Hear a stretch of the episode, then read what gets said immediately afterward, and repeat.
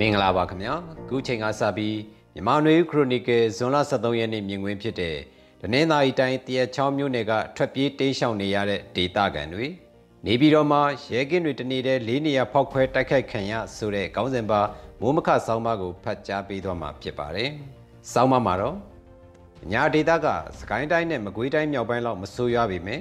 မြန်မာနိုင်ငံတောင်ပိုင်းတိုင်းရင်းသားလက်နက်ကိုင်ဧရိယာမဟုတ်တဲ့တနင်္သာရီတိုင်းတွေကမြို့နယ်အချို့မှာလည်း စကိုင်းတိုင်းတို့လိုလူဦးရေထောင်ချီထွက်ပြေးတိမ်းရှောင်နေရတာတွေနေအိမ်ချို့မိရှုခံရတာတွေဖြစ်ပွားနေကြတာဖြစ်ပါတယ်။ခုရက်ပိုင်းတွင်တနင်္သာရီတိုင်းတွေကတရက်ချောင်းမြို့နယ်တွေကကနက်တီရီနဲ့အခြားသောကျေးရွာ9ရွာ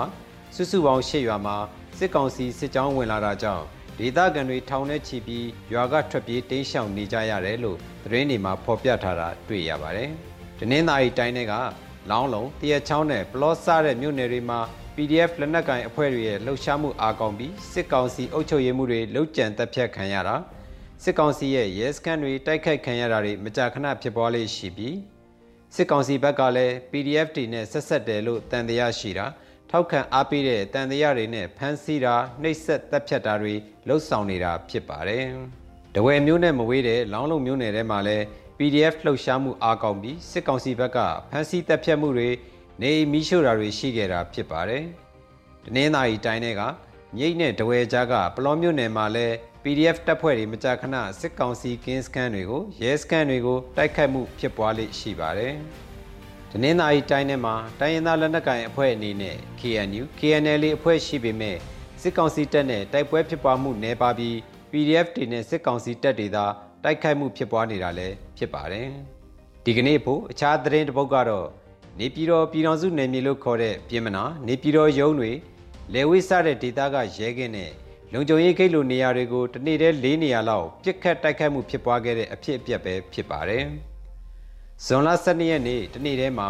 နေပြည်တော်ဟိုတယ်ဇုံတွေနဲ့နှီးတဲ့အပြည်ပြည်ဆိုင်ရာ Convention Center အနီးမှာပောက်ကွဲမှုတစ်ခုဖြစ်ပွားခဲ့ပြီးလေဝိမြို့မှရဲစခန်းနဲ့ ရဲကင်းတစ်ခုနဲ့အခြားရဲကင်းတစ်ခုစုစုပေါင်း၃ခုတို့တိုက်ခိုက်ခံရမှုမှာ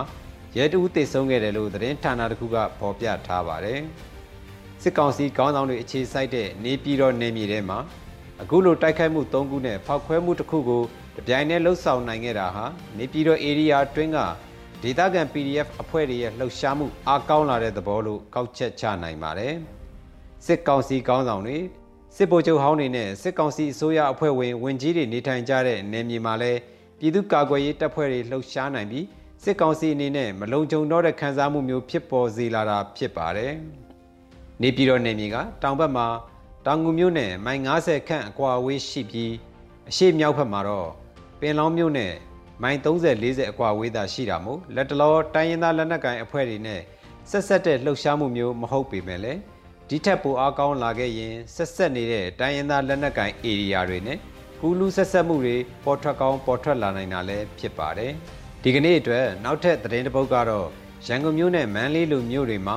နေအိမ်တိုက်ခန်းတွေကိုအငှားချတဲ့အခါငှားရမ်းသူတွေရဲ့ကိုရေးချက်လက်တွေကိုတောင်းယူဖို့နဲ့အဲဇင်းတိုင်မှုစစ်ကောင်စီကဖိအားပို့ပေးလာတာဖြစ်ပါတယ်။ငှားရမ်းသူရဲ့ကိုရေးအချက်လက်တွေမတောင်းယူတာအဲဇင်းမတိုင်ကြပဲငှားရမ်းတာတွေရှိပြီး ငိုင်းရနေထိုင်သူကတစုံတရာလက်နက်ကင်လှုပ်ရှားမှုဖောက်ခွဲမှုတွေနဲ့ဆက်ဆက်ခဲ့ရင်တိုက်ခန်းတွေကိုပါသိမ်းဆီးမယ်လို့စစ်ကောင်စီကကြေညာလိုက်ပါတယ်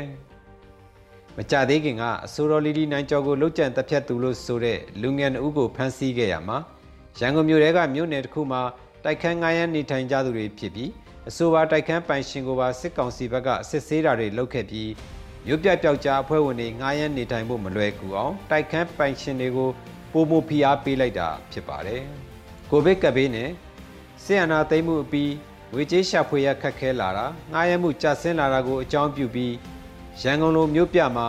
တိုက်ခန်းငှားရမ်းဖို့အတွက်ရခင်လိုတစ်နှစ်သို့မဟုတ်အနည်းဆုံး6လငှားရမ်းစာချုပ်ချုပ်เสียမလို့ပဲလာချင်းပေးတာ2လ3လတစ်ဖြတ်ပေးချေတာမျိုးနဲ့လည်းငှားရမ်းလာနိုင်ကြတာဖြစ်ပါတယ်။ဒီအခြေအနေကမြို့ပြပျောက်ကြားလှုပ်ရှားသူတွေဖို့ တနေရာမှာကြာကြာမနေထိုင်ပဲရွှေပြောင်းငားရန်လှုပ်ရှားကြဖို့လွယ်ကူတဲ့အနေအထားလည်းဖြစ်ပြီးစစ်ကောင်စီကအခုလိုတိုက်ခန်းပိုင်ရှင်တွေကိုချင်းချောက်ပြီးငားရန်သူရဲ့ကိုရေးရာဇဝင်တွေတောင်းဖို့အဲဇင်းတိုင်မှုဖိအားပေးလာတာလည်းဖြစ်ပါတယ်လို့ရေးသားထားပါတယ်ခင်ဗျာ။